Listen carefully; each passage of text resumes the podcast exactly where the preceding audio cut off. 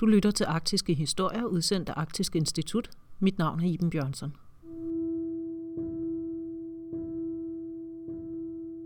I podcasten her vil jeg fortælle historier fra Arktisk Instituts store arkiv af beretninger, billeder og genstande fra Danmarks møde med Grønland og Arktis. Men før jeg kaster mig over samlingerne, tænkte jeg, at det måske var en idé at få svaret på spørgsmålet, hvad har Danmark og Grønland overhovedet med hinanden at gøre? Hvad er historien bag forbindelsen, og hvorfor har vi holdt fast ved den? Det bliver emnet for denne første podcast.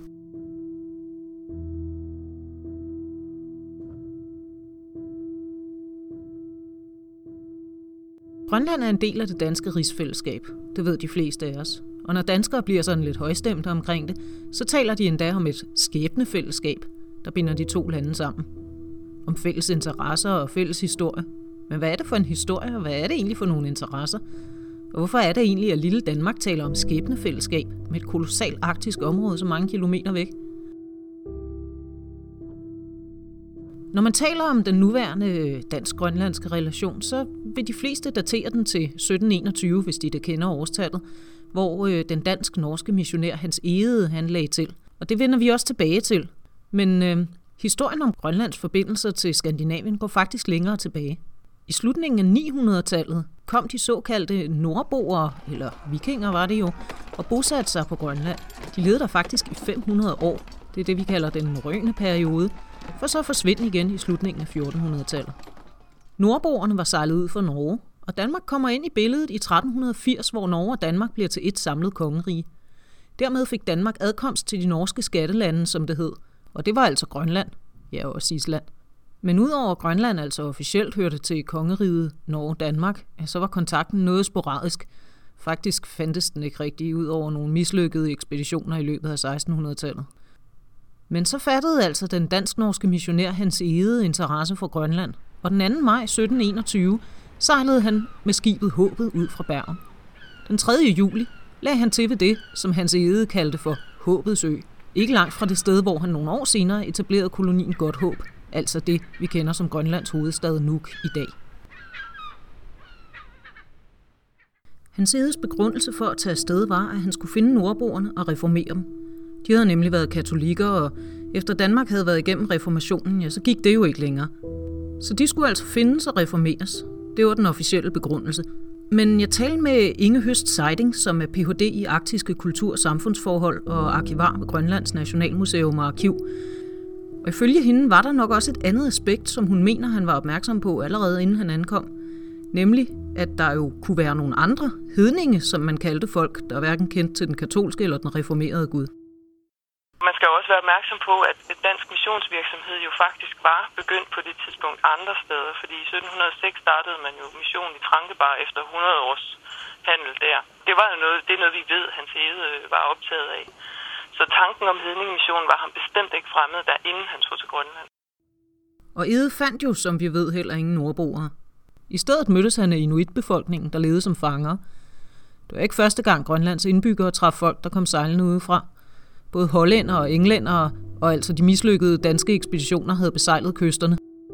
Hollænderne og englænderne havde primært drevet velfangst, men var altså også gået i land og havde handlet med inuitbefolkningen. Men hvor de andre europæere var taget hjem igen, ja, så blev disse her altså. Hans Ede slog sig ned startede med at missionere. Hans Edes mission var økonomisk støttet af en samling bergenske købmænd, det der hed Bergenskompaniet. Men da profitten på projektet udeblev, gik kompaniet nedenom og hjem i 1726. Kongen, Christian den 6. overtog, men da foretagendet stadig ikke gav nogen profit, beordrede han kolonien lukket i 1731. Hans Ede insisterede dog på at blive. Et antal grønlændere havde allerede lavet sig døbe. Missionen gik godt. Han fik lov til at blive sammen med dem, der ønskede at blive sammen med ham. Og hurtigt ombestemte kongen sig faktisk også. Allerede efter to år. Jeg spurgte Ole Markvart, som er lektor emeritus i historie fra Grønlands Universitet, hvordan det kan være, at kongen så forholdsvis hurtigt kom på andre tanker og altså besluttede sig for at beholde kolonisationen af Grønland. Så er det både dengang og i dag, at man ikke giver frivillig afkald på besiddelser. Øh, man var startet. Man følte også, at det var et gammelt rigsområde.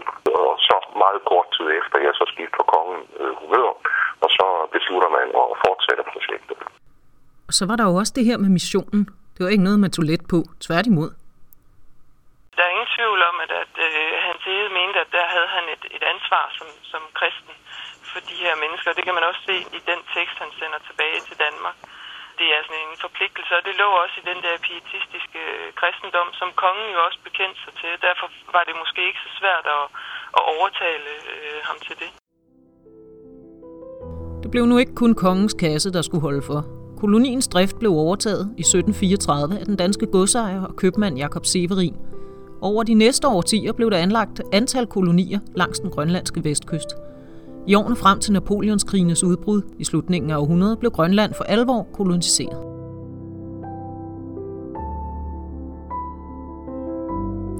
Det med, at det var handelsmænd eller handelskompanier, der forestod kolonisationen, det var så absolut den mest brugte model – Faktisk var det lidt usædvanligt i Grønland, at missionen var gået forud for handlen, men det blev der også, øh, så at sige, rettet op på. Det er missionen, der er i fokus i starten, og det er det, det handler om i det, sådan, den spæde kolonisation. Så bliver det jo hurtigt sådan, at missionen så i øvrigt også bliver mere eller mindre underlagt handlen. Napoleonskrigene gik ikke udenom Danmark. Danmark blev inddraget via de engelske angreb, slaget på Reden i 1801 og bombardementet af København i 1807. I de år, der lå besejlingen på Grønland stille og det var et svækket Danmark, der satte sig til bordet for at forhandle fred med England og Sverige i 1814. Da Sverige med Englands støtte krævede at få Norge fra Danmark, ja, så var der ikke ret meget andet at gøre end at acceptere. Men her sker der så noget mærkeligt. For selvom Norge jo egentlig havde været Danmarks adgang til de nordatlantiske kolonier, ja, så får Sverige dem altså ikke med. De bliver hos Danmark. Og hvorfor det er sådan, ja, det er forskerne faktisk ikke helt enige om. Der er nogen, som siger, at hverken Sverige eller England faktisk var interesseret i Grønland – og Danmark så at sige bare fik lov at beholde kolonierne, fordi man ikke kunne komme af med dem. Men det er måske også en lidt bekvem forklaring i forhold til, hvorfor Danmark egentlig blev i Grønland. Så der er andre, blandt andet Torkil Kærgaard, der også er lektor emeritus i historie ved Grønlands Universitet, der mener, at England ikke ønskede et alt for stærkt Sverige, og det var derfor ved deres mellemkomst, at Danmark kunne få lov at beholde Grønland og Island. Og så er der den nok mest gængse forklaring, at det var en snarråd i dansk embedsmand, der sikrede besiddelserne ved at påstå, at de aldrig havde tilhørt Norge. De det er en øh, omdiskuteret sag. Øh, nordmændene øh, hævdede allerede øh, i datiden, at øh, Danmark snød Sverige og øh, på et øh, senere tidspunkt, i, øh, jeg mener det er 1820'erne, der siger den svenske gesandt også, at det var også rigtigt, at den danske gesandt havde sagt til ham, at det var ikke norske rigsdele. Jeg må lige afbryde historien her for at indskyde noget. Fordi for mig som historiker er det her helt normalt. Men det kan være, at du hører det og tænker, det er lidt mærkeligt. Det her med områder, hvor der bor mennesker opfattes som ejendel, som man kan tabe, vinde, beholde, gå af med, næsten som om man spillede kort om dem. Og det er det også for mange af os, der ser på det med nutidens briller. Men det var simpelthen kolonialismens natur. Langt de fleste kolonimagter mente ganske bestemt, at de gjorde de koloniserede befolkninger og områder en tjeneste. Og selvom der i denne periode var indtruffet en modstand mod de mere brutale aspekter, som slavehandel og slaveri, ja, så var der altså ikke nogen i Europa på det her tidspunkt, der satte spørgsmål ved, om det moralsk kunne forsvare sig at have kolonier. Snart tværtimod. Og som Ole Markvart også tidligere forklarede for mig, så var kolonier, det var en naturlighed. Det var noget, europæiske kyststater havde, som kunne bidrage til deres magt og anseelse. Hvis man var at regne for noget her, så havde man altså et par kolonier. Man behøver ikke bryde sig om det, men det er vigtigt at kende til den her logik, hvis man vil forstå, hvorfor verden ser ud, som den gør i dag. Og det er altså også den logik, der forklarer, hvordan man på den her måde kunne handle med landområder. Og lige præcis handle med landområder, det var, hvad man gjorde igen i 1917. Der solgte Danmark de tre vestindiske øer, St. Thomas, St. Jan og St. Croix, til USA for 25 millioner dollar, knap 100 millioner danske kroner. Kolonierne havde givet underskud lige siden slaveriet var blevet ophævet, sjovt nok, og Danmark ønskede ikke længere besværet af udgifterne ved at drive dem.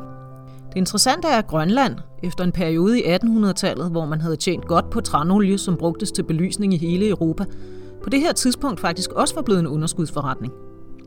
Men frem for også at afhænde Grønland, ja, så sikrede Danmark sig faktisk, i forbindelse med salget af de vestindiske øer, at få anerkendt sin suverænitet over hele Grønland.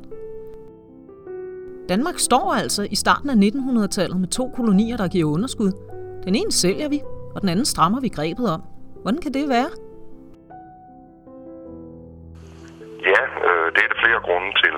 Øh, for det første så har man jo nok øh, fra dansk side opfattet Grønland som gammelt rigsområde. lige siden middelalderen. Hvorimod man jo i Vestindien først, jeg mener det er i midten af 1600-tallet, at mm-hmm. man øh, får den første koloni. Så er det en anden ting. Hvorfor sælger man ikke Grønland? Ja, det kunne man jo have gjort, men den eneste køber efter 1823, hvor den amerikanske præsident udsteder den såkaldte Monroe-doktrin, øh, det er øh, faktisk USA. USA vil ikke have accepteret, at øh, Grønland for eksempel var blevet solgt til en tredje part. For USA var det jo vigtigt, at man ikke pludselig i Grønland, næsten uden for indgangsdøren til Nordamerika, at man der kan få en europæisk magt, det kan oprette flådebaser, militærbaser og senere hen flybaser. Lad os sige, at Danmark havde aktivt der i 1917 forsøgt også at sælge Grønland til USA. Det vil jo så have givet andre geopolitiske problemer, fordi så var andre stormagter have stejlet, hvis USA pludselig blev herre over Grønland med en så central strategisk beliggenhed, som øen jo på godt og ondt har. Så er det jo endelig også det, at det er jo rigtigt, hvad du siger, at Grønland i 1917 ikke var så økonomisk lukrativ, som den havde været øh, tidligere. Men i lang tid, og det er vel stadigvæk sådan, så håbede man på, at man kunne finde rigdomskilder, øh, mineraler for eksempel. Kryolit vidste man var det, men øh, man håbede også på at kunne finde andre mineraler. Øh, ja, ja. Og det gør man jo sådan set stadigvæk. Altså Grønland er jo i modsætning til Vestindien, øh, som er nogle små jo, så er det jo et kæmpe område. Og det eneste man vidste, det var, at det var masser af mineraler. Spørgsmålet var bare, om de befandt sig på et sted, der gjorde, at det var økonomisk øh, givetigt at udnytte dem. Okay, så det er også en, en øh, løftet om, eller måske øh, drømmen om rigdom, som... Håbet, håbet om. Øh, håbet om rigdom. Om rigdom, ja. Håbet om rigdom. Inge Seiding er faktisk inde på noget af det samme. Se som en rød tråd i at den her tilstedeværelse i Grønland, at man tænker, der kan blive noget ud af noget. Og der kan også blive noget ud af noget, som ikke er der endnu. Og det hænger sammen med noget andet, der dog også er en faktor i sig selv, nemlig den videnskabs- og teknologifascination, som prægede årtierne omkring århundredeskiftet. Her var Grønland, hvis I undskylder udtrykket, virkelig en adgangsbillet til at kunne sidde med ved bordet. Kommissionen for videnskabelige undersøgelser i Grønland, den grundlagt her i den her periode, slutningen af 1800-tallet. Og den videnskabelige interesse i Grønland er altså vældig stor. Og altså, hele den her ekspeditions øh. Det var Danmarks sted, hvor man gjorde det. Og det betyder noget for en nation. Det betyder sikkert lige så meget i den her periode, som det at have et overskud på spækregnskab. Hør bare, hvad geograf og lærebogsforfatter Sofie Petersen skriver i 1928. Danmarks kolonisation og udforskning af Grønland er uden sidestykke i nationernes kolonisationshistorie. Den har fremkaldt beundring og betydet overordentligt meget for vort omdømme i den kulturelle verden. Da Danmarks suverænitet over hele Grønland var blevet anerkendt, ja, så holdt Danmark fast. Da Norge gjorde krav på dele af Østgrønland i 1931, endte sagen i den internationale domstol i Haag, som stadfæstede anerkendelsen, så ingen kunne være i tvivl. Grønland var dansk. Og efter 2. verdenskrig, da der løb rygter om, at USA måske kunne være interesseret i at købe Grønland, ja, så lod Danmark forstå over for alle, der ville høre, at man regnede Grønland for fortsat at høre til Danmark. I 1953 blev det stadfæstet med den nye grundlov, som på papiret gjorde Grønland og Færøerne til en ligestillet del af det danske rige, som det hed. Det betød blandt andet, at de fik repræsentation i Folketinget, sådan som vi kender det i dag. Med grundloven ophørte Grønlands officielle status som koloni, og det blev bekræftet i FN i 1954. Og med det sluttede Danmarks historie som kolonimagt – i hvert fald officielt. For om ordningen førte til reel ligestilling sådan lige med det første, det kan nok betvivles. Men det er en historie, vi må tage en anden dag. Endelig en, en sidste ting øh, omkring det der, hvorfor sælger man ikke Grønland? Man må heller ikke glemme i forvirringen, at danskere kan faktisk meget godt lide Grønland, og grønlænder er rigtig mange. Altså det er også noget, hvad vi kan kalde sentimentalt følelsesmæssigt. Man synes egentlig godt om både øen og befolkningen. Det er jo rigtig mange danskere, der på den ene eller den anden måde har forbindelse til Grønland. Og det her med følelserne, det sentimentale, det skal vi altså lige opholde os lidt ved. Fordi som Markvart siger, så bliver båndene mange og stærke, og det er ikke bare handel og mission og videnskab, det handler om. Det er også blodsbånd. Der er en voldsom indgiften. Faktisk næsten alle de her handelsansatte øh, folk primært lavere arrangerende, de gifter sig med grønlandske kvinder. Det skaber i Grønland et vældig nært forhold, som betyder, at man var rigtig meget til stede. Øh, selvom det var relativt få europæere, der opholdt sig i Grønland, så var de øh, meget hurtigt i familie med grønlænderne. På den måde var det her meget fjerne arktiske land jo i virkeligheden meget, meget tæt på Danmark. Kom meget tæt på Danmark. Inge Seiding siger også noget andet nemlig at poster i administrationen af Grønland hjemme i Danmark, ja, det var noget, man fik efter lang og tro tjeneste i Grønland. Det vil sige, at dem, der sad i København og formulerede den danske grønlandspolitik, ja, de havde ofte tilbragt mange år deroppe, og de var knyttet til landet på et følelsesmæssigt plan. Og så er der endelig det, at med nationalromantikkens fremvækst her i starten af 1800-tallet, der bliver det følelsesmæssige, det bliver altså også til gangbar politisk valuta. Det er først noget, vi kan se i det øjeblik, at det at spille på sådan nogle emotioner, bliver noget, der er brugbart. Det, det er det nationalistiske Danmark, der, der, der indlemmer den her del af, af det at være en nation. På lige fod, som du kan se, hvordan man taler med følelser om sin, sin hjemstavning. Øh, der bliver Grønland også en del af det. Uden at sige alt for meget om, om Danmarks historien, så ved vi godt, at Danmark jo ligesom led nogle knæk. Der var noget her, der skulle reetableres. Det kom Grønland også til at spille en rolle i. Og så er vi altså tilbage ved det følelsesmæssige, det højstemte, som måske også er svært at komme udenom, jo flere år der løber på relationen. Jo flere forbindelser, udvekslinger, blandede familier. Sporene, som man begyndte at sætte for så mange hundrede år siden, de er blevet gået til, de er blevet dybere og de er blevet fastere. Så der har vi det altså. Svaret på spørgsmålet, hvad har Danmark egentlig med Grønland at gøre?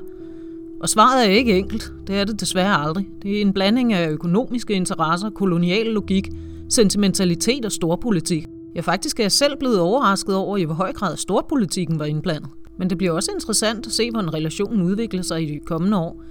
Fordi i 2009, ja, der fik Grønland altså en udvidet selvstyreordning, og i den står der faktisk, at Grønland kan forlade rigsfællesskabet, hvis de vil. Så hvad fremtiden indebærer for Danmark og Grønland, ja, det kan altså kun den vise. Du har lyttet til Arktiske Historier, lavet af mig, Iben Bjørnsson fra Arktisk Institut. Besøg vores hjemmeside arktiskinstitut.dk eller find os på Facebook, Twitter, Arktisk Institut og Instagram, Arktiske Billeder. Udover interviews med Ole Markfart og Inge Høst Seiding har jeg brugt litteratur af Mads Lidegaard, Torkild Kærgaard, Finn Gad og ikke mindst Gyldendals Danmarks historie. Al musik er fra albummet Cold, komponeret af Kai Engel. Hør mere på kai-engel.com. Jeg håber, vi høres ved.